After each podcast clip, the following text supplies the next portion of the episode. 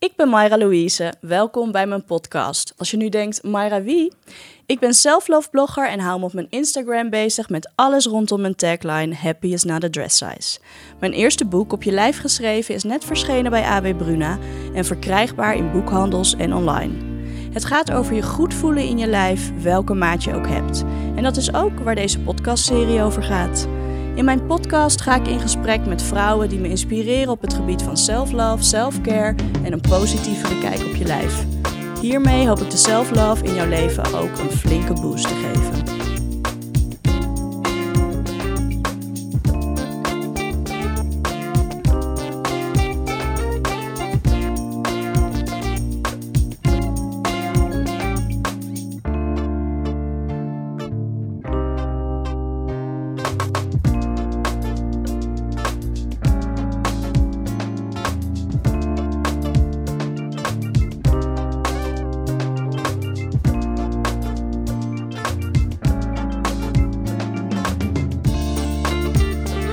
Welkom terug bij deze nieuwe en voorlopig laatste aflevering. We nemen even een kleine podcastpauze. Ik ben ontzettend enthousiast over deze uitzending, omdat het een onderwerp is waar ik momenteel erg veel mee bezig ben, namelijk mindset. Ik ben de afgelopen jaren flink aan de slag gegaan met alles wat er wel en niet in mijn hoofd speelde. Maar ik kijk nu veel meer naar het totaalplaatje en zie daarin nog wel wat dingen die schreeuwen om verbetering of om aandacht. En als ik kijk naar de mensen om me heen, ben ik niet de enige die daarmee aan het stoeien kan zijn. Daarom ga ik vandaag in gesprek met mindset coach Janne Schuin. En na deze aflevering zul je regelmatig aan haar terugdenken en de volgende vraag aan jezelf stellen: wat nou als het ook anders kan? We hadden het er al uitgebreid over in aflevering 4. Je eigen beste vriendin worden en je heel bewust zijn van de manier waarop je over jezelf praat en over jezelf denkt. Maar je mindset aanpakken en het daadwerkelijk anders gaan doen, vraagt om flink wat doorzettingsvermogen. Want life happens. En je wordt al snel weer afgeleid door de waan van de dag. Daarom wil ik vandaag nog verder in dit onderwerp duiken. En dat gaan we dus doen met de minst zweverige mindsetcoach van Nederland, Janne, Janne Schuin. Ik volg Janne al een tijdje op Instagram en ik haal heel veel inspiratie uit haar post. En haar boek Wat nou als het ook anders kan is net verschenen. Ik ben hem momenteel aan het lezen en kan hem je alleen maar aanraden. Naast mijn eigen boek natuurlijk. Janne, super tof dat je er vandaag bent en dat je jezelf wilde losrukken van Mom Life en alle drukte rondom je boek, die, uh, hartstikke, die het hartstikke goed doet. Ja. Um, zullen we beginnen met een korte introductie. Vertel wie ben je en wat doe je? Dat vind ik altijd zo'n lastige vraag gelijk. wie, wie, ik ben, ja, dat vind, dat vind ik heel moeilijk om in bepaalde termen te omschrijven. Um, ik kan wel omschrijven inderdaad wat ik doe. Oké, okay, uh, ja. doen we dat. wat ik doe is best wel veel, maar ik, ik zie mezelf vooral als ondernemer. Natuurlijk mindset coach. Um, moeder en alle uitdagingen die daarbij komen kijken, wat ik jou niet hoef te vertellen. um, nog wat extra uitdagingen die we daarbij hebben met Kaden, onze zoon. Um, ja, en ik ben vooral. Nou, oh nee, ik moet nu ook auteur erbij zeggen. Ik ben ook auteur. Nieuwe uh, titel. Ja, maar mindset, ja, dat is waar het bij mij eigenlijk al, al die dingen die ik net heb opgenoemd uh, draaien voor mezelf om mindset en ook om dat uit te dragen naar anderen. Ja, precies. En is dat ook waarvan je wil dat mensen je kennen? Dus als mensen zeggen, ja, Janne, ja, dat is die van. Wat nou als het ook anders? Ja, ja, nou en dat laatste, ja, zeker. Vooral van wat nou als het ook anders kan. Niet, niet eens per se het boek, maar gewoon uh, het idee van wat nou ja. als het ook anders kan. Ja.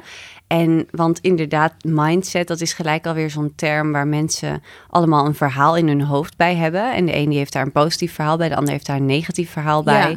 Ja. Um, en en hey, ik leg dan continu de nadruk op, het is niet zweverig, het is niet zweverig.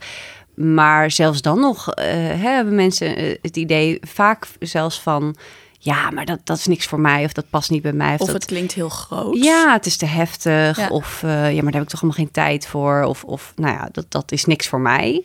Terwijl we hebben allemaal een bepaalde mindset, of je nou Ja. wil of niet. Ja. Dus dat, dat, dat is niks voor mij, bestaat niet. We hebben allemaal een mindset, eh, of je er nou mee bezig bent of niet. En dat Ja. is het hem. hè. Of je hebt een onbewust gekozen mindset, of een bewust gekozen mindset. En Ja. daarom ook, ja, wat nou als het ook anders kan...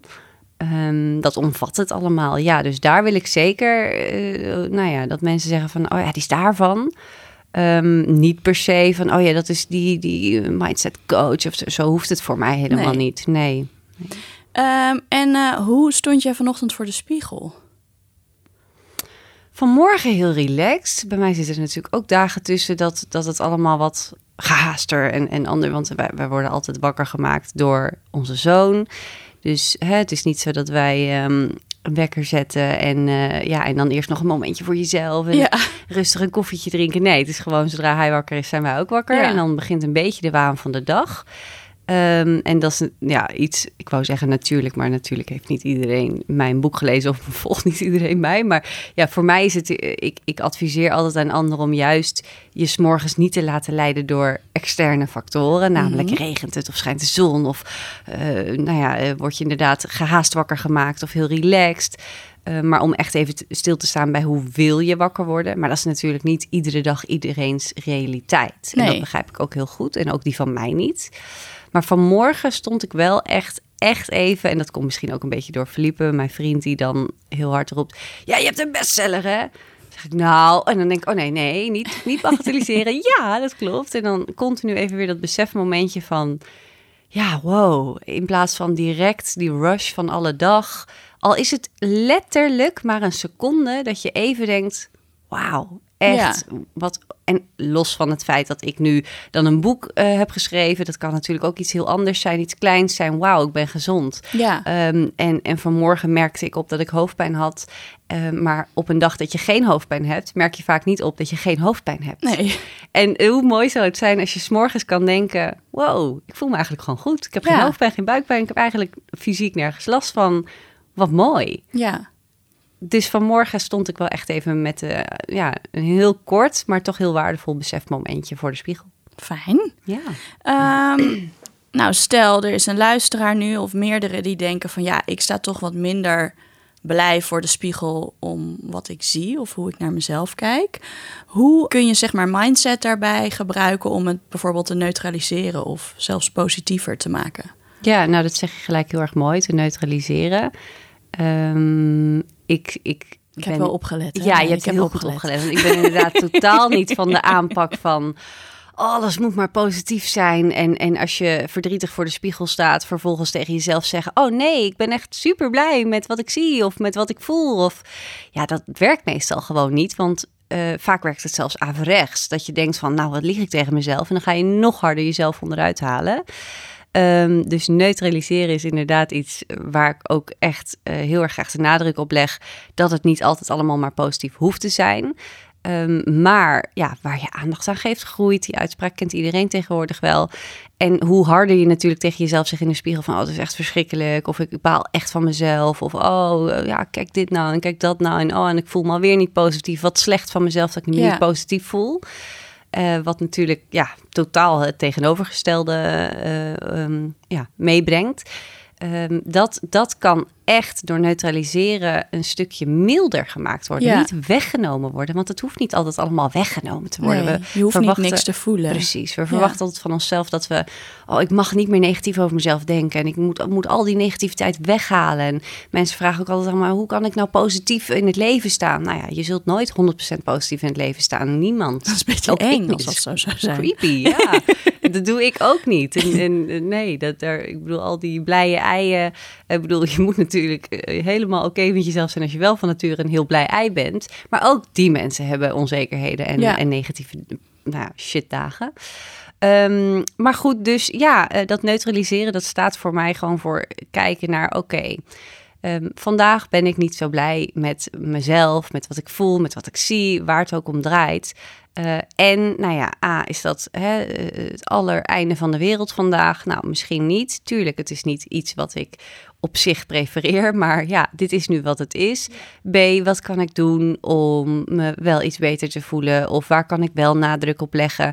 Um, al is het maar heel wat anders, om me wel weer wat happier te voelen. En ja, hoe kan ik gaan naar neutraal in plaats van super negatief? Want de afstand van negatief naar neutraal is veel korter dan de afstand van negatief naar positief. Ja. En om van neutraal weer naar positief te kunnen komen, is ook veel makkelijker dan van negatief naar positief. Ja. Hoe doe je dat dan concreet? Stel dat we het hebben over uh, een negatief zelfbeeld door je uiterlijk. Hoe kun je dat een beetje gaan neutraliseren of jezelf trainen om daar neutraler naar te kijken of het minder impact te laten hebben op je dag?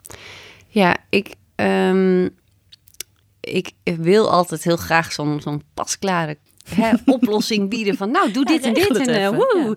Ja. ja. en dat bestaat natuurlijk niet. Nee, dus domper. Mwah, mwah, mwah. Nee, ik, um, ik geloof A, heilig in kleine stapjes. Dus niet in één keer verwachten dat alles verandert. En um, we willen natuurlijk altijd, eh, zodra we iets in ons hoofd krijgen van oeh, ik wil het anders gaan doen. Oeh, ik wil uh, positiever worden of ik wil wat je ook wil bereiken. Um, dan willen we gelijk het nu of gisteren, eigenlijk eergisteren. Ja, je wil je ook meteen anders voelen. Ja, en we willen direct resultaat, waar het ook om gaat. En dat resultaat gaat er uiteindelijk alleen maar komen wanneer je daar natuurlijk consequent mee bezig bent. En wat ik al daar straks zei, die, die externe factoren waar we ons eigenlijk dagelijks door laten leiden. En meestal s morgens direct al. Want je staat op. En wat de meeste mensen doen, is direct eerst hun telefoon pakken. Ja. Ehm, en en uh, als je wakker wordt gemaakt door een kind, dan ga je eerst je kind uit bed halen. En dan ga je, weet ik veel, ontbijtjes maken voor iedereen met je telefoon erbij. Of weet je wel, op een of andere manier zit of de telefoon erbij, of de tv gaat aan. Of je kijkt naar buiten en denkt, eh, slecht weer. Of op welke manier dan ook, prikkels uh, van buiten af, die je gelijk een soort van uh, stempel gaat geven van, oh, dit is goed of dit is niet goed. Ja. En als je op die manier je dag start, dan start je dag dus altijd afhankelijk van hoe andere dingen zijn. En dan heb je daar totaal geen invloed op. Dus dan kun jij niet op dat moment beïnvloeden, je kunt het wel, maar je doet het niet, beïnvloeden hoe je je voelt. Um, en meestal zijn de dingen negatief, want op Instagram, op Facebook, als je je telefoon opent, er zijn altijd wel dingen uh, waaraan je kunt gaan vergelijken. En er is altijd wel iemand die uh, een betere ochtend heeft. Ja, of iets waar je boos over kan maken. Of, nou, absoluut, ja, waar je gelijk gefrustreerd door raakt. En, en natuurlijk ook als je dat s'avonds net voor het slapen doet, nou dan zit dat ook helemaal in je hoofd te malen. Um, en op tv is er altijd wel. Ik kijk bijvoorbeeld helemaal geen nieuws meer. Dat vinden sommige mensen van, hè, nou ja, dan ben je toch niet op de hoogte. En dan denk ik, nee, heerlijk. Ja. dus ja, dat is alleen maar ellende. Dat, dat, ik merkte dat als ik s morgens mijn dag met het nieuws begon, dat ik gelijk dacht van, eh, maar, maar, maar, echt gewoon echt een domper. Ja. Um, zware energie. en ik heb uh, mezelf aangeleerd om s morgens in plaats van me te laten leiden door buitenaf, me te laten leiden door wat ik van binnen zou kunnen of willen voelen. Want wat je in eerste instantie voelt, is misschien niet direct positief. Hè, wat we ook zeggen van uh, als je ja, s'morgens direct voor de spiegel gaat staan en je voelt eh, je niet lekker daarbij, bij wat je voelt of ziet. Um, dan is dat natuurlijk alsnog een prikkel van. Natuurlijk komt het van binnenuit, maar je, je um, uh, vraagt het soort van van buitenaf ja, door je naar jezelf. het ergens precies, mee. Ja. precies, precies dat.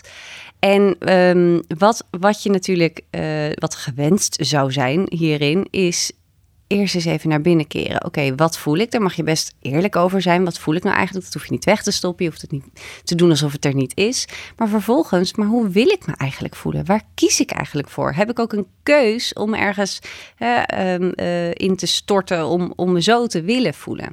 En ik denk dat heel veel mensen vergeten dat ze daar een keus in hebben. Dat betekent niet dat als je op dat moment zegt, je hebt bijvoorbeeld een slechte nacht gehad, je hebt de hele nacht niet geslapen, ik weet er alles van. ik ook. voor mijn eigen deur. Juist. Ja. Nou. en dan kun je niet eens je kind schuld geven. Nee, nee. Ja, Doe ik dus altijd wel. Forever blame the baby. Ja. Het is geen baby meer, maar goed. Jawel, jawel. Blijf altijd baby's. Dus uh, hè, als ik dan weer zo'n shitnacht had gehad en, en niet had geslapen en ik zeg dan tegen mezelf, nou, hoe voel ik me? Ik voel me moe. Hoe wil ik me voelen? Ik wil me energiek voelen. Ja, dan voel ik me niet in één keer, nee. energiek. Jammer. Ja, heel jammer. Ik wou echt dat het zo werkt, een mindset. zou heel fijn zijn. Maar wat ik me dan wel uh, de hele dag door, um, ja, waar ik mezelf aan kan helpen herinneren, is continu, oh ja, hoe wil ik me ook alweer voelen? Heb ik hier ook een keus in? En dat betekent dus niet dat je je fysiek in één keer anders gaat voelen, maar toch ga je mentaal er anders in staan. Als je de hele dag tegen jezelf zegt, ik voel me zo moe, of ik voel me zo lelijk, of ik voel me zo whatever, um, dan ga je je natuurlijk steeds belapperder ja. voelen. En hoe vaker je tegen jezelf zegt, dus niet per se, oh, ik voel me prachtig en ik voel me geweldig, maar wel, ik wil me graag energiek voelen. Dus hoe wil ik me voelen? Niet, ik voel me energiek, maar hoe wil ik me voelen? Ik wil me energiek voelen. Dan neem je de regie terug. Ja. En dan neem je verantwoordelijkheid over, hey, ik heb hier, dit is mijn leven, mijn lijf, mijn hoofd, mijn hersenen. En ik mag kiezen hoe ik me wil voelen. En dat, dat brengt echt een andere nou ja, een andere vibe, een andere Omdat je dan mee. andere keuzes gaat maken daardoor? Zeker, ja, ook. Alleen al mentaal natuurlijk, maar ook hè, waar je je aandacht op richt. Dat doet het reticulair activatiesysteem, een soort filter in je hersenen. Dat filter in je hersenen, dat um, ziet bijvoorbeeld op dit moment in de ruimte niet alles wat er aanwezig is. Je ziet niet op dit moment alle prikkels die je zou kunnen hebben, die komen niet allemaal binnen. Dat is maar goed ook, want dan ben je de hele dag door afgeleid en helemaal dan word je gek van alles wat je ziet en hoort en voelt en proeft en ruikt. En, en dat, dat wil je niet. Dus je focust je ergens op. En dat is wat er voor het grootste gedeelte uh, binnenkomt in je hersenen. Dat, dat wordt er in ieder geval bewust uh, gefilterd. Wanneer jij continu je hele dag focust op je vermoeidheid, dan gaat dat filter alle, alles wat te maken heeft met vermoeidheid continu heel bewust binnenlaten. Want jij focust je daarop. Dus je geeft eigenlijk een signaal naar je hersenen. Ik wil graag alles zien wat met vermoeidheid te maken heeft. nou, dat ga je zien ook en voelen en ervaren. En wanneer jij dat natuurlijk de andere kant op, op, of, of, of, op, op iets focust wat je graag wilt uh, ervaren en voelen. En alles wat bijvoorbeeld met iets uh, moois en positiefs te maken heeft, dan ga je daar gewoon oprecht meer van zien. Ja. Niet dat er meer van is, het was er al. Je negativiteit was er al, je positiviteit was er al, maar je gaat het meer opmerken. Je gaat ja. het meer zien. Je hersenen gaan, dat filter gaat dat meer doorlaten. En daardoor zie je het en daardoor zie je kansen en mogelijkheden en voel je je oprecht anders. Heel interessant. ik ga nu meteen denken van, oh ja, oh ja. Ah ja. Oh ja. um, nou ja, we hadden het er net al over dat zelfbeeld en mindset heel veel met elkaar te maken hebben. Um, en uh, wat ik van jou meekrijg is dat je uh, mensen ook echt wil laten zien van je kan dus zelf... Je, je hebt zelf invloed op het leven dat je leeft. Je kan een leven creëren waar je blijer van wordt. Ja. Um, en dat het leven niet iets is wat je zeg maar overkomt. Maar wat zijn dan de belangrijkste dingen om je bewust van te worden als je zoiets hebt van ja, ik ben niet helemaal blij of ik krijg niet helemaal energie van hoe mijn leven nu is. Wat zijn dan dingen waar je uh, iets mee zou gaan kunnen doen? Nou, allereerst, het leven overkomt je soms natuurlijk gewoon wel. Ja. Hè? Dingen gebeuren. Het leven is niet maakbaar. Het leven is wel stuurbaar. Dus er gebeuren nou eenmaal dingen in je leven. Ja. En dat zijn ook best wel vaak dingen waar je niet zo blij van wordt. Dus daar heb je niet per se directe invloed op. Eh, hè, hoe hard je er ook aan denkt. Nee, dat je wil dat het anders is. Gewoon... Sommige dingen zijn wat ze zijn. Um, dat gezegd hebbende, is dat natuurlijk niet iets waar je compleet bij neer hoeft te leggen van, nou, nu is het zo en, en dus blijft het zo. Dat is denk ik het verschil. Um, iets heel concreets waar je wat aan kan, kan doen, is natuurlijk je overtuiging over alle dingen die je in je leven hebt. Want um, als we het hebben over uh, alleen al gewoon iets heel simpels als bijvoorbeeld een, een broek. Ja, jij vindt het misschien een lelijke broek, ik vind het een mooie broek. Maar die broek is er niet andersom. De broek is gewoon precies dezelfde broek. Dus wat jij daarvan vindt, of hoe je je daarbij voelt, of wat jij tegen jezelf vertelt ergens over, dat maakt dat uh, een broek voor jou lelijk of mooi is. Ja. En dat is natuurlijk een kwestie van smaak dan. Maar als we het hebben over je herinneringen ergens aan. En misschien vind je die broek wel lelijk, omdat het je helpt, uh, doet, doet herinneren aan een, een, vroeger vriendinnetje wat altijd lelijk tegen jou was. Hè, wat altijd naar tegen jou was. En dus vind je die broek gewoon stom. Dus dit gaat even over iets heel doms als een broek. Maar zo heb je over alles in je leven een, bepaalde, uh, een bepaald verhaal in je hoofd. Ja, ik heb dat bijvoorbeeld, de laatste tijd ben ik heel erg bezig met wat ik allemaal geloof over geld. Ja.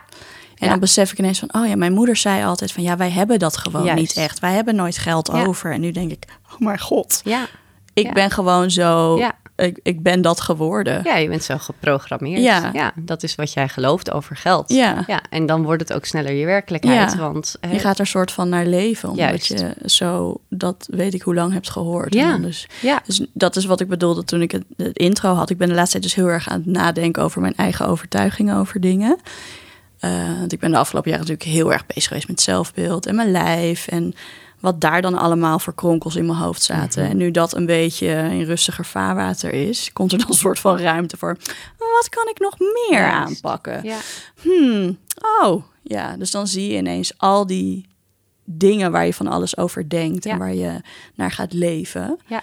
Um, maar je, je overtuigingen een rijtje dus. afgaan. Ja. ja, je kunt een heel rijtje afgaan van hè, uh, mijn overtuigingen inderdaad over geld, over liefde. Want ja, daar, schrijf jij ook over. Daar schrijf boek, ik ook over. Over mijn uh, overtuigingen inderdaad die ik in de liefde had. Liefde was niet voor mij weggelegd. Tenminste niet hè, de de zaakjes goede liefde of tussen aanhalingstekens. Um, voor mij was, uh, alleen, er kwamen bij mij toch altijd alleen maar foute mannen op mijn pad. Want ja, hè, ja, dat was nou eenmaal zo. Terwijl dat hoeft niet nou eenmaal zo te zijn, maar dat, ja, dat, dat trek je natuurlijk op dat moment ook heilig aan. Ja.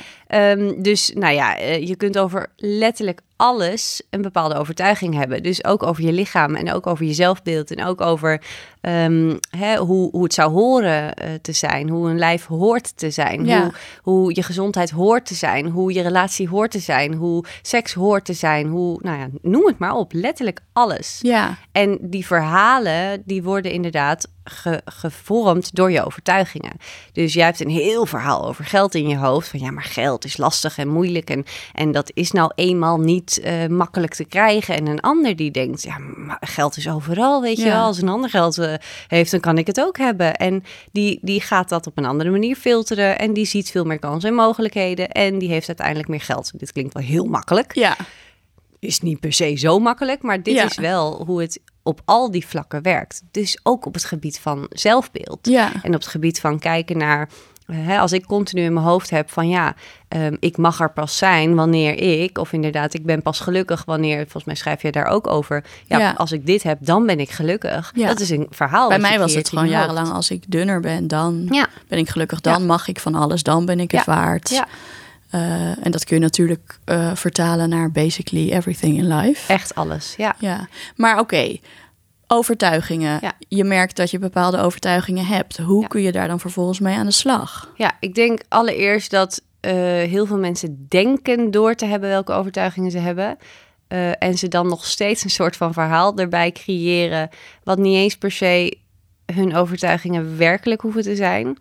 Vaag verhaal misschien dit, maar oprecht heel vaak in gesprekken merk ik dat mensen zeggen: Ja, maar ik weet wel dat, eh, dat ik zo en zo daarover denk. En dan ben ik daadwerkelijk met ze in gesprek. En dan denk ik: Nou, volgens mij is dit ook weer een overtuiging die je hebt over je overtuigingen. Ja. Dus dat is één. Ehm, eh, zelfs wanneer je denkt van, oh, ik weet wel zo ongeveer hoe ik ergens over denk, er echt dieper in duiken, dat is meestal echt stap één. Om oprecht te kijken naar, echt brutaal eerlijk naar jezelf te worden.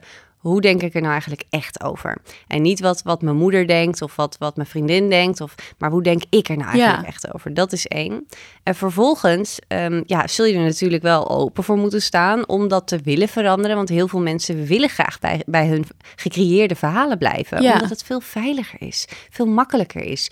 Ook al betekent dat dat je niet gelukkig bent, dan nog zijn mensen ehm, meer in staat om te blijven bij die overtuigingen en bij die verhalen, terwijl ze daar eigenlijk niet gelukkig bij zijn, dan om ze te veranderen. Want dat is nog veel spannender en enger. En dat biedt Ja. nog meer stress op dit moment. Op lange termijn natuurlijk niet, maar op dit moment wel. Ja. Dus de vraag is, ik denk dat stap twee is, stel jezelf de vraag, wil ik dit oprecht veranderen? Ben ik bereid om oprecht daarmee aan de slag te gaan en echt eraan te gaan werken? En dat Want het is misschien oncomfortabel gaat zijn. heel oncomfortabel. ja, het is geen walk in the park.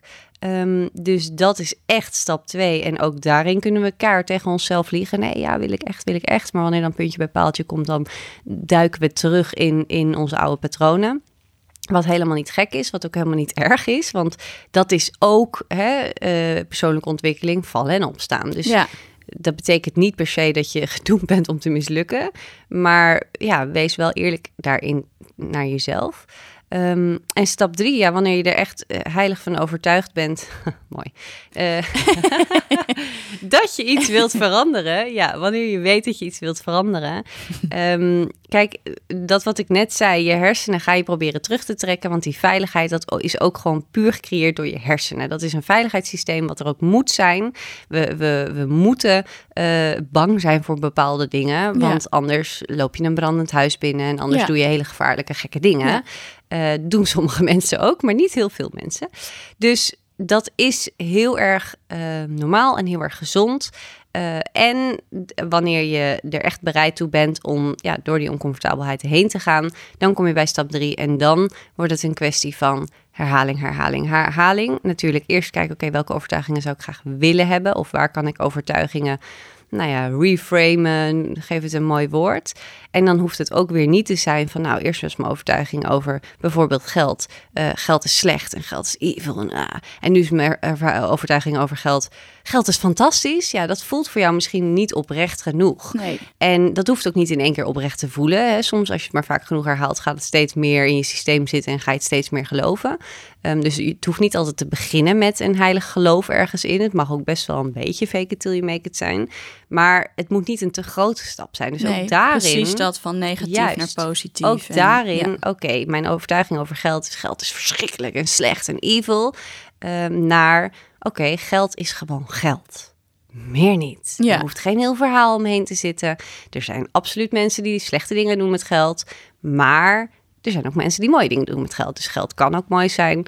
Eh, ik vind geld nog steeds spannend en nog steeds uh, een beetje, hè, oh, is misschien niet helemaal iets voor mij. Maar ik ga geld is misschien niet iets voor mij. ja, nee, er zijn mensen ja, die dat denken over geld. Het Nou, past niet bij mij. niet. Ja, of als ik geld heb, dan ben ik gelijk, ehm, weet ik veel, die zien geld eh, en mensen, die koppelen dat samen Aan- aan, ja. gelijk hele arrogante mensen Ja. of onaardige mensen. Ja. Hè, als je vroeger alleen maar, eh, weet ik veel, door rijke buurten heen liep en je, je, je zag alleen maar mensen lelijk naar je kijken, dan denk je misschien, oh, rijke mensen zijn onaardig. Ja. Ja, zo, zo, ja, maar zo je hele gekke dingen in je dus hoofd. zitten, ja. ja.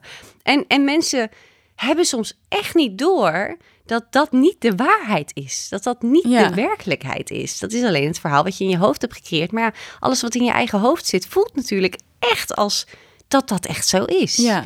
Dus dat is heel confronterend. Dus het is ook best wel even graven, denk ik, om uit te zoeken hoe het bij jou echt zit. Ja, en ik geloof ook niet dat je dat alleen kan. En dat is niet een ple- pleiten, pleiten voor Allemaal mezelf. naar de psych, jongens, daar gaan we weer. Nee, maar ik geloof echt dat, dat wanneer je zo diep zit in je eigen verhaal, ja, hoe ga je daar in je Ja. eentje uitkomen? Want je hebt het vaak, dat zijn je blinde vlekken, dat heb je niet door bij jezelf. Nee. Pas wanneer je met iemand in gesprek bent en, en ja, daar dus ook voor open staat om met iemand anders in gesprek te gaan die dingen anders ziet dan jij. Wat Ja. soms ook pijnlijk en confronterend kan zijn, omdat je geneigd bent om te denken, ja, maar die ander heeft het fout. Ja. Maar ja, die ander gelooft net zo heilig in zijn verhaal als Ja. jij. Dus, ehm, nou, we wijken nu helemaal. eh, maar goed, dit is wel heel interessant, want inderdaad, het zit zo diep bij mensen. Maar het kan ook gewoon een vriend of vriendin of partner Natuurlijk, zijn, toch? Ja, nee, ja, even voor de duidelijkheid. Praat erover. Praat niet dat we erover. iedereen er weer een verwijsbrief Zeker laten halen. niet. Voor, eh, Nee, helemaal niet. En, en, en zeker niet per se naar de psych, want dan ga je het echt alleen maar hebben over. Hallo, ik moet iets met mijn overtuigingen. Ja, en dan ga je het echt alleen maar hebben over, ja, maar waar komt het dan vandaan? En, en dat Ja. is allemaal heel interessant. Maar vervolgens is de het weet vraag, heb je een trauma, ja. hoor ik hier een bepaalde ervaring? Nee hoor, ik ben heel erg pro-psych. Maar ik denk niet dat je voor je overtuigingen meteen Nou, ik, hoeft. ik denk dat het heel interessant is om te weten waar komt het vandaan. Alleen dan weet je nog steeds niet, oké, maar wat ga ik er nu mee doen? Ja, dat is interessanter. Het is super interessant om vervolgens te Ja. kijken naar, maar wat wil ik ermee? Ja, En hoe ga je dat nou veranderen? Nou, Wat eerst nou dus als het ook beslissen. anders kan, ja, Janne? het kan anders, Ja. absoluut. Dus beslis, wat wil ik dan dat mijn nieuwe overtuiging wordt? En die hoeft helemaal niet gelijk het tegenovergestelde te zijn. Het mag alleen al zijn, ik wil gewoon dat al mijn verhalen rondom redelijk neutrale dingen... zoals geld en zoals eh, liefde en zoals al die dingen die nou eenmaal gewoon zijn op de wereld... als ik daar mijn verhalen nou eens van afhaal. ja. En gewoon dagelijks even stil gaan staan bij: oké, geld is gewoon geld. Punt. Meer niet. Eh, liefde is gewoon liefde. Punt. Meer niet. Andere mensen hebben liefde, dus zal het er vast ook wel voor mij zijn. Ja. Ik voel het nog niet helemaal, ik geloof het nog niet helemaal. Maar dat is echt al een enorme mindshift van geld en liefde is allemaal verschrikkelijk en, Ja. en, en hoort niet bij mij, naar ja, het is gewoon wat het is. Ja. En eh, misschien is het ook ergens wel. En misschien ga je dan in de loop der dagen, weken, maanden dat je daarmee bezig bent met dat ja, eh, reframen, ga je misschien ook zelf wel een keertje denken: hé, hey, Oh ja. oh, misschien is dat eigenlijk ook wel voor mij. Want ja, geld Ja. is gewoon geld. Dus waarom zou het bij een ander wel kunnen liggen en niet bij mij? Precies, ja. Maar ook daar dus geduld hebben met Kleine jezelf. En, maar wel er dus echt bewust mee bezig zijn. Ja, en consequentie, consistentie is echt weer zo'n super saai, suf woord. Maar wel key. Want wanneer je dit één keer doet, hè, vandaag tegen jezelf zeggen: Oh ja, nee, dit en dat. En het morgen niet meer doen. En dan, en dan volgende week denken: Nou, er is eigenlijk niks veranderd. Ja. Dat is wat ik het meeste te horen krijg. Ja. Nou ja, ik ben er echt wel even mee aan de slag gegaan. Maar ja, er is eigenlijk niks veranderd. Nee, joh. En je, stopt bent een week verder, mee. maar je deed het al Precies. twintig jaar op een Ja. bepaalde manier. Ja. Ja, en, en, en, en nou, dat, dat is echt precies wat je zegt. Je denkt al twintig jaar op die manier en dan verwacht je dat je dat in een week, in een maand, al, al is het een jaar waarin je ermee bezig bent, dat je dat even kunt veranderen. ja. En dat werkt niet zo. Dus dat, dat is denk ik de grootste is misvatting. jammer. Het is wel jammer. Heel maar- jammer. Ja. ja, anders was, nou ja, nee, anders had ik nooit meer een klant. Dus dat, Nee. eh, Eén sessie bij jou en Hoppa. eh ja, Maar dan kun je wel heel veel vragen voor één sessie. Dat wel. dat is wel waar. Ja, Hmm. wat nou anders komen? Voordat we verder gaan, nog even dit.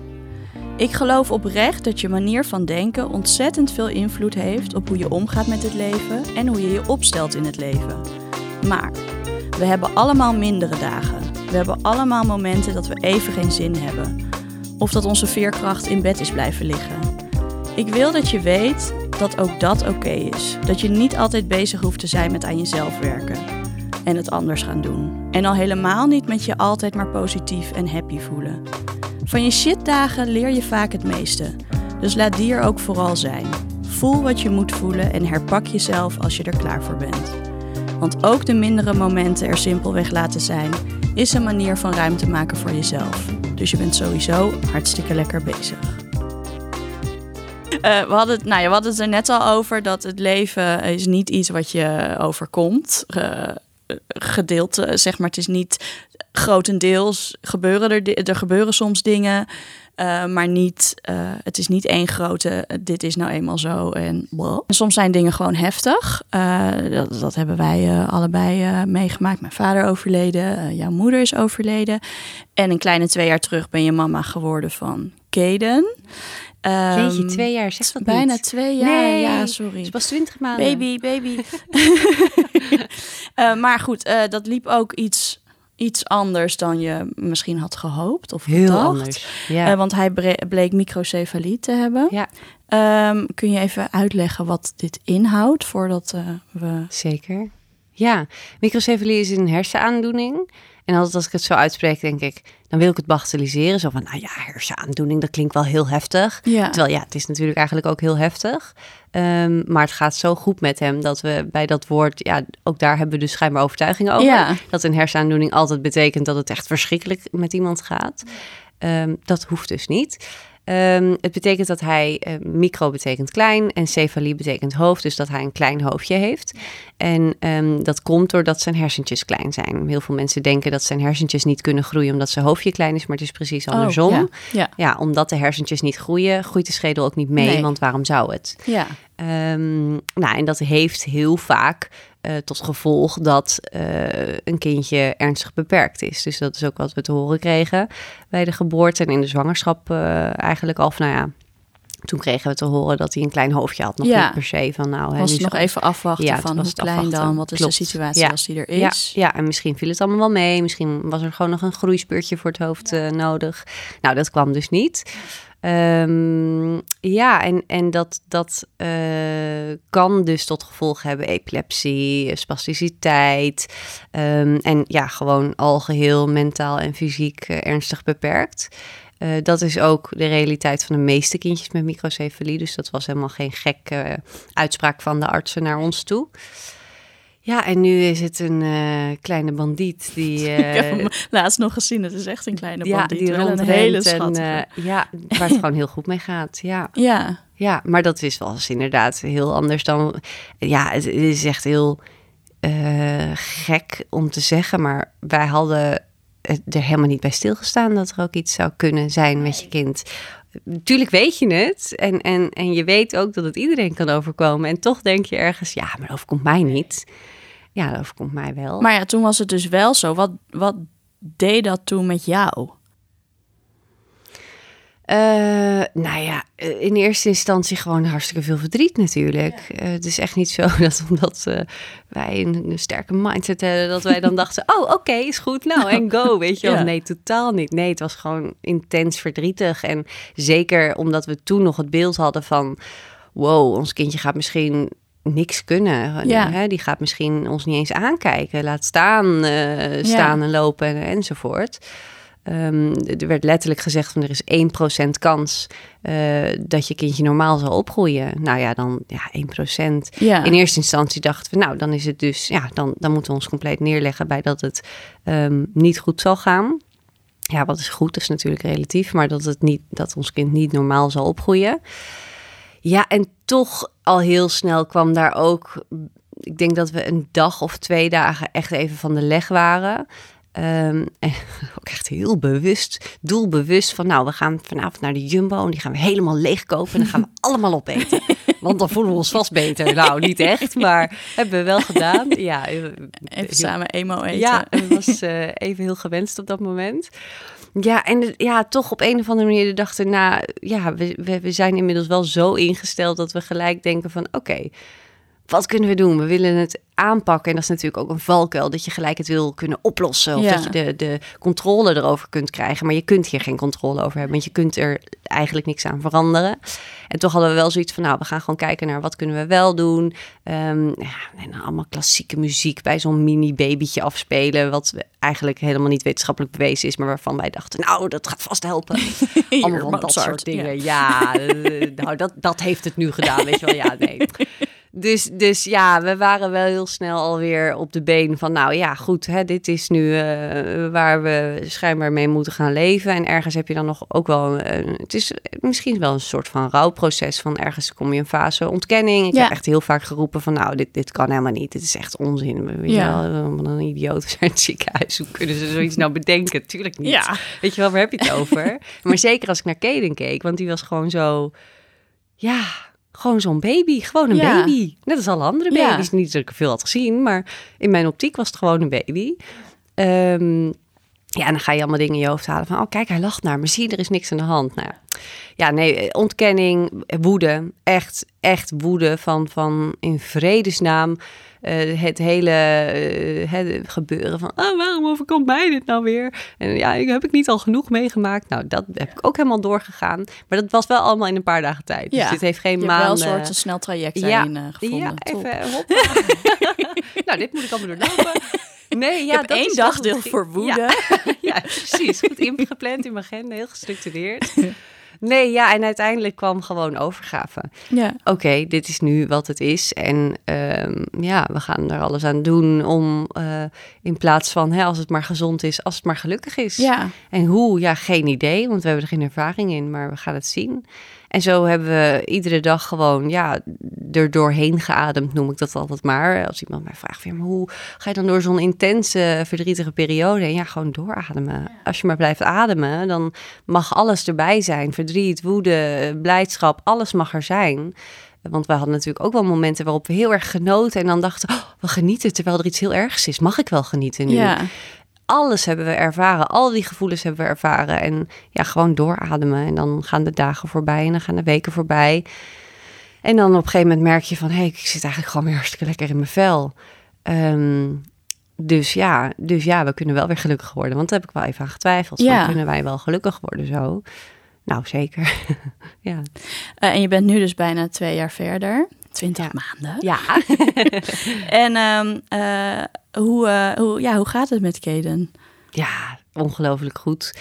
Het, het is heel um, um, verraderlijk misschien wel, microcefalie. Want ja, bij microcefalie heb je een hogere kans op epilepsie en spasticiteit. En dat kan ja, in de kinderjaren zomaar zijn intrede doen, zeg maar.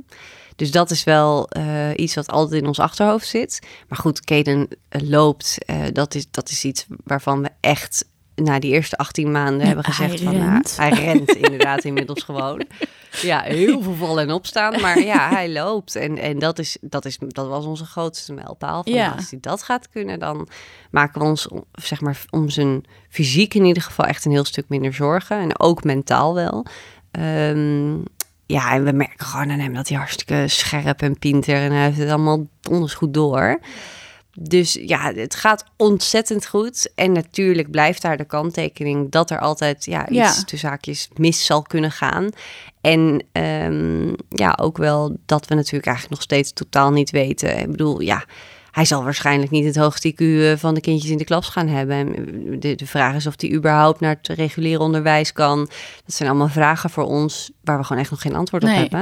En waar de kinderarts ook heel voorzichtig in is van ja, het gaat heel goed. En dat betekent niet dat, dat hij echt 100% gemiddeld opgroeit, zeg maar. Waarschijnlijk niet, want zijn voetjes staan bijvoorbeeld al heel erg naar binnen. Ja. Ehm, wat kan gaan nou, leiden tot spasticiteit. Eh, dat is dan vanwege een hoge spierspanning. Dus er zijn wel dingetjes eh, die bij Kaden wel echt anders zijn dan bij, bij andere kindjes. Eh, maar het zijn relatief kleine dingetjes. Kun je die dingen dan voor jezelf soort van parkeren of loslaten? Zo van, we zien het wel als het er is. Ja, best wel. Ja, omdat je ook gewoon niet anders kan. Dus het is niet zo dat je een keuze daarin hebt. Nee. Ja, je moet eigenlijk wel. er Ehm, zijn natuurlijk genoeg mensen die dan volledig in hun hoofd Ja. duiken en ja, ja, maar dat is ook scenario's gaan bedenken erover. Ja, en dat, dat gaat bij mij inmiddels wel vrij vanzelf. Maar niet omdat ik nou eenmaal zo ben, maar omdat ik daar jarenlang aan mindsetwerk vooraf heb ge- gehad. Ja. En omdat ik echt gewend ben, inmiddels gaat het bijna als soort van automatisch proces in mijn hoofd.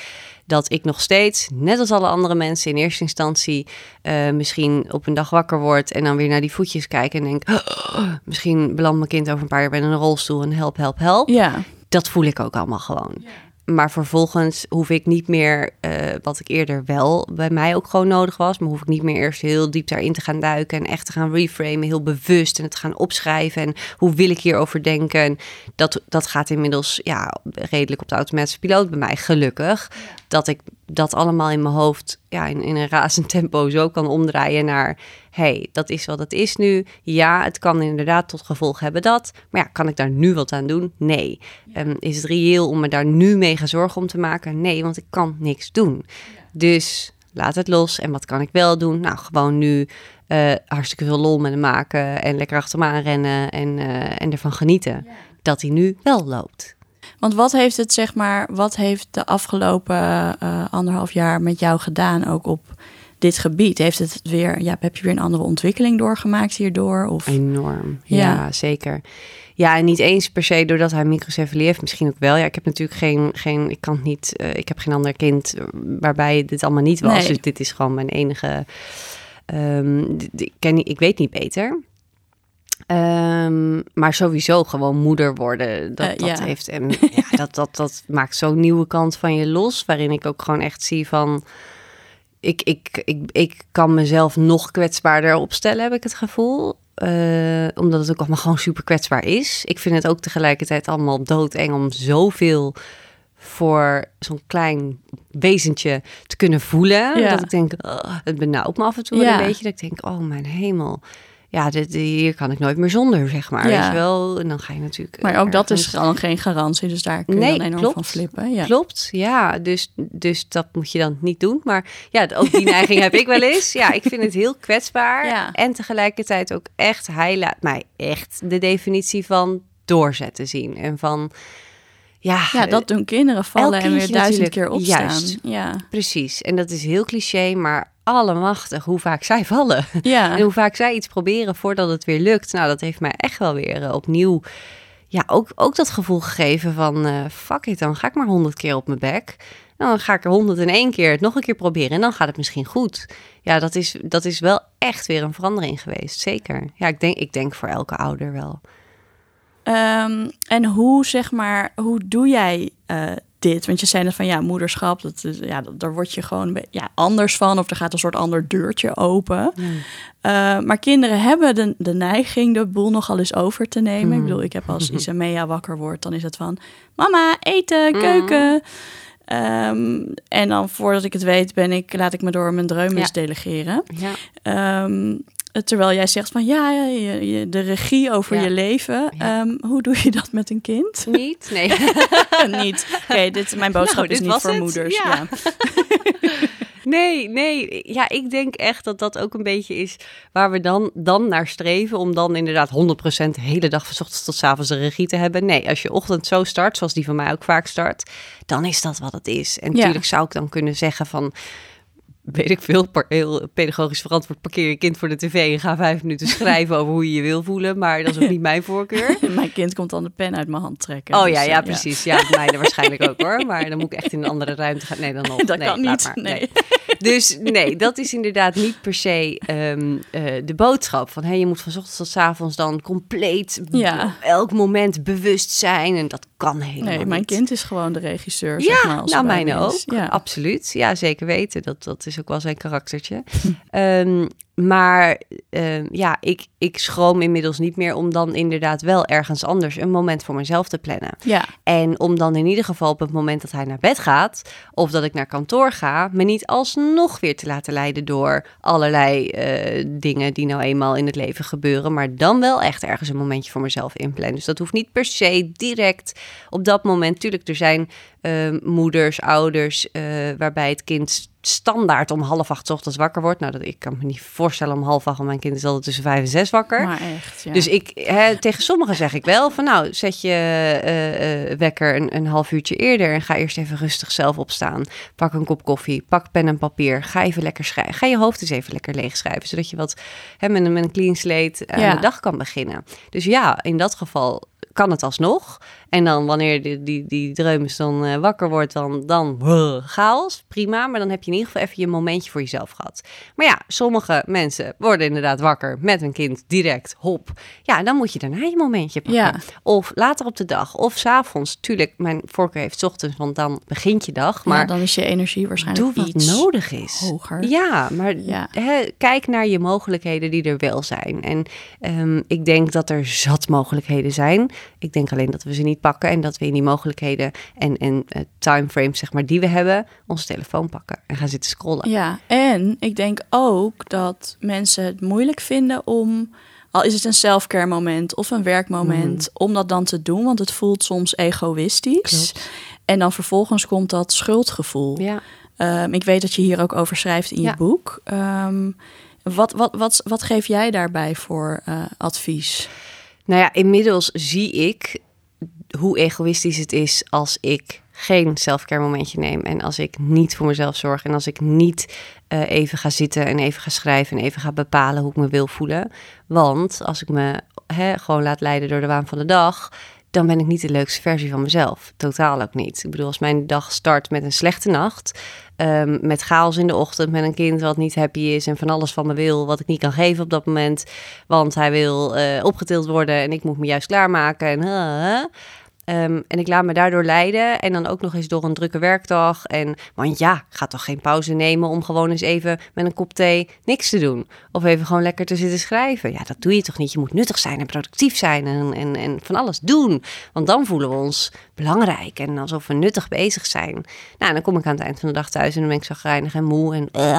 En heb ik nergens zin in. En dan, en dan gaat mijn kind voor de tachtigste keer aan mijn been trekken. En dan ugh, denk ik, hou op. Ja, Nou, ik denk, de- ik denk dat dat juist heel egoïstisch is als ik op die manier door het leven ga.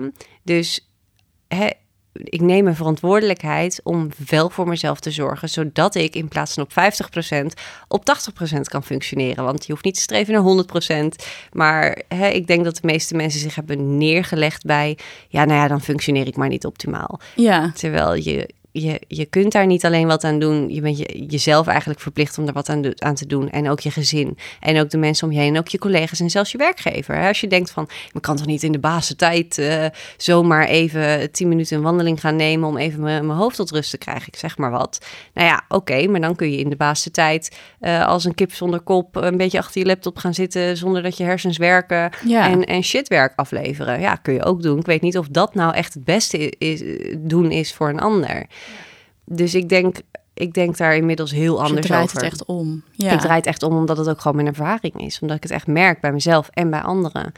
En ja, ik, ik hè, heb ook liever dat Felipe bijvoorbeeld in, in onze relatie ja, nog, nog beter zeg maar, voor zichzelf zorgt dan dat hij voor mij en Kaden wil zorgen. Want als hij niet voor zichzelf zorgt, dan heb ik geen leuk vent. Ja. Dus ik vind het egoïstisch als hij niet voor zichzelf zorgt. Hij heeft het dus goed door, die man van jou. Zeker. Ja. Alleen hij gaat nog een beetje te laat naar bed elke keer. Dus dan zeg ik ook van ga op tijd naar bed. En dan heeft hij zoiets van ja, maar ik wil eigenlijk nog even snel dit doen. Of nog even nuttig zijn. Of nog even de afwas doen. Of, en dat vind ik aan de ene kant heel nobel. En aan de andere kant denk ik ja, maar als jij steeds te laat naar bed gaat, ben je op een gegeven moment moe en zagrijnig. Ja. Dus het is echt even omdenken. Ja. ja. Je schreef hier uh, onlangs ook over op, uh, op Instagram. Had je een hele mooie post. Ja, dit is echt een post die ik uh, letterlijk in één minuut, zeg maar, uit mijn hoofd heb, heb geschreven. Omdat het gewoon op dat moment echt even zo voelde. Ik zag die foto.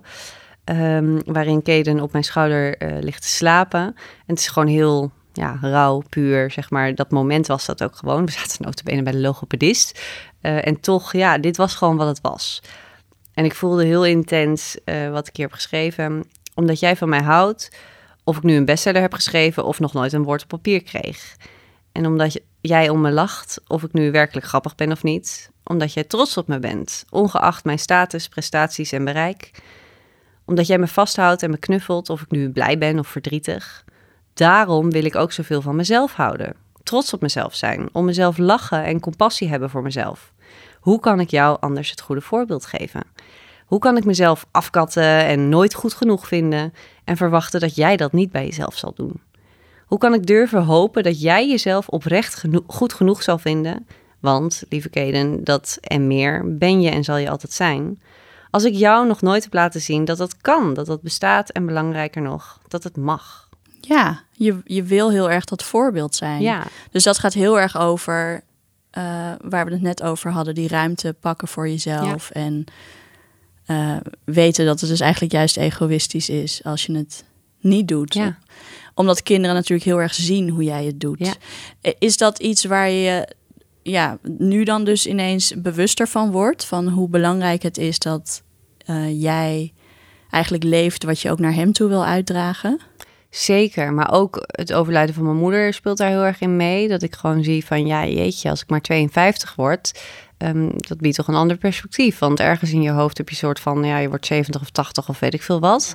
Um, dat is tussen aanhalingstekens normaal. Ja, wat is normaal? Maar um, ja, en dan in een, in één keer zie je, oh, 52 kan ook. En dan zie je bij anderen, oh, 32 kan ook. Oh, nou, dat is in één keer een heel ander verhaal. Um, ja, wie ben ik dan om mijn leven een beetje te vergooien aan de waan van de dag, de tijd te doden, um, een beetje druk, uh, gestrest en zagrijnig door de dag heen te gaan, terwijl andere mensen helemaal geen dagen meer hebben.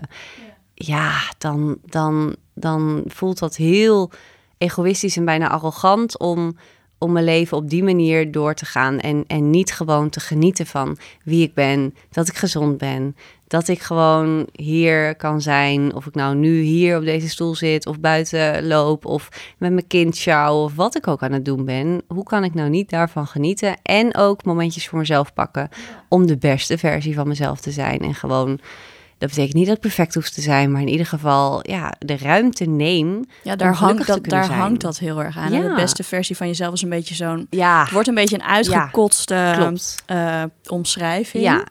Maar ook uh, omdat we daar verhalen bij hebben, omdat ja. we het zo vaak hebben gehoord. Maar als we dat verhaal er even vanaf halen, dan is de beste versie van jezelf zijn, denk ik, niet per se de versie die van alles presteert en bereikt en behaalt. Daar gaat het helemaal niet om.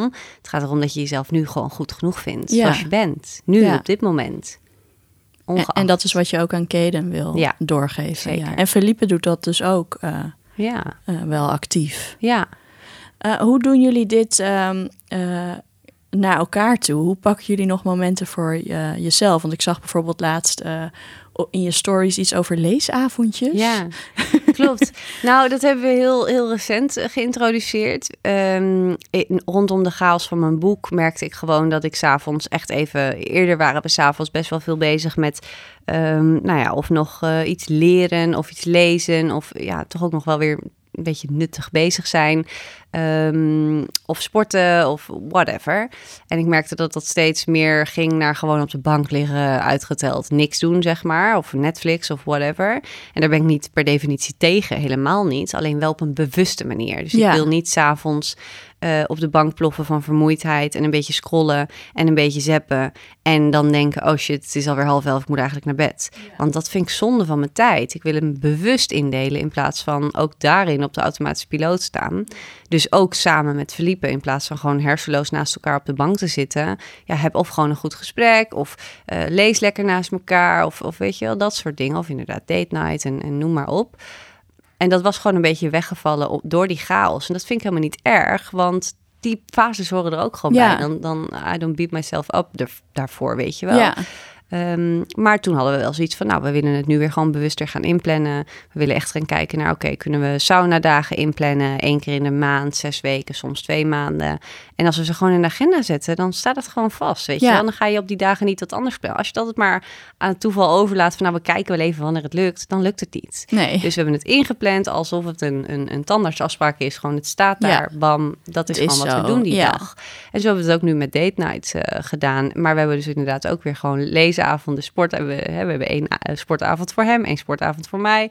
Een leesavond, een leeravond. En dat is dan voor Jullie mij... ook een seksavond? Nou, nou, daar hebben we laatst inderdaad ook een interview over gegeven. En, en we, die hebben we echt gehad, oprecht. Want dat was ook Ja, wij plannen weggevallen. totaal de seks. Anders Ja, dan moet eh, wel, want anders dan chaos. gebeurt het Wordt niet. geen seks. Nee, want ik ben s'avonds moe. Dan denk ik, ja, ja, ja, het een of het ander. Nou ja, dan ga ik toch slapen. Ja. Ja, dat was vroeger anders, maar dat is nu gewoon Ja. wat het is. Dus ja, dat hebben we ook zeker heel, heel lang moeten Ja. inplannen. En dan nog hielden we ons er niet altijd aan. Maar eh, Dirty January en al dat soort... oh nee, Jullie, Juicy hebben- January jullie hadden het. een maand Ja, ja, eh, ja. elke dag. Ja. ja. Ja, niet elke dag gelukt hoor. Maar Het het, idee. het, het heeft het gemiddelde enorm verhoogd, zeg maar. Ja, van nul naar één. nee, maar dat, ja, ja, date night kan daar een beetje aan gerelateerd zijn. Maar dit, Ja. ja. we hebben het echt... eh, eh, en dat betekent dus niet dat we ons hier altijd aan houden, maar het biedt meer houvast en het biedt meer richting. En daardoor ja. leef je minder van eh, s ochtends tot s avonds ja, in de waan van de dag Dus en wat meer jij- bewuster. En wat je uitdraagt, dat, dat pas je thuis ook echt toe. Ja, dat Ja. proberen we zeker, ja. Bij eh, de post eh, over Caden staat eigenlijk altijd fuck the odds. En ik zag in je boek, ik ben daar nog niet, maar ik zag dat je er ook een principe van hebt gemaakt. Dus ik was heel benieuwd wat het voor jou inhoudt en hoe eh, de luisteraar het ook in kan gaan zetten in zijn of haar leven of toe kan gaan passen. Ja, tegen alle verwachtingen in betekent dat gewoon. Tegen alle verwachtingen in kan iets nog steeds zo of zo zijn. Dus ehm, als we het even terug refereren bijvoorbeeld naar zelfbeeld. Ja, misschien heb jij een verhaal in je hoofd gecreëerd van ja, eh, als ik eh, eh, dit gewicht heb, dan kan ik alleen maar gelukkig zijn. Of juist als ik dit gewicht heb, dan kan ik alleen maar ongelukkig zijn. Oké, wat nou als je tegen al die verwachtingen van jezelf in het toch anders zou kunnen? Eigenlijk komt het gewoon weer terug op wat, ook, wat, wat nou als het ook anders zou kunnen, anders kan. Ehm, ik geloof niet per se in, nou als je iets maar graag genoeg wil, dan komt het altijd op die manier. Ja, dat, dat is gewoon niet. Want je kunt nog zo hard, wij, ik heb echt ge- gebeden terwijl ik niet per se gelovig ben en mijn knietjes gesmeekt aan wie dan ook. Van kan het alsjeblieft anders zijn dat mijn moeder er niet meer is, hè, na, haar overlijden. Ik, ik wilde het niet geloven. Na het nieuws van Keden, ik wilde het niet geloven. Kan het alsjeblieft nog anders worden?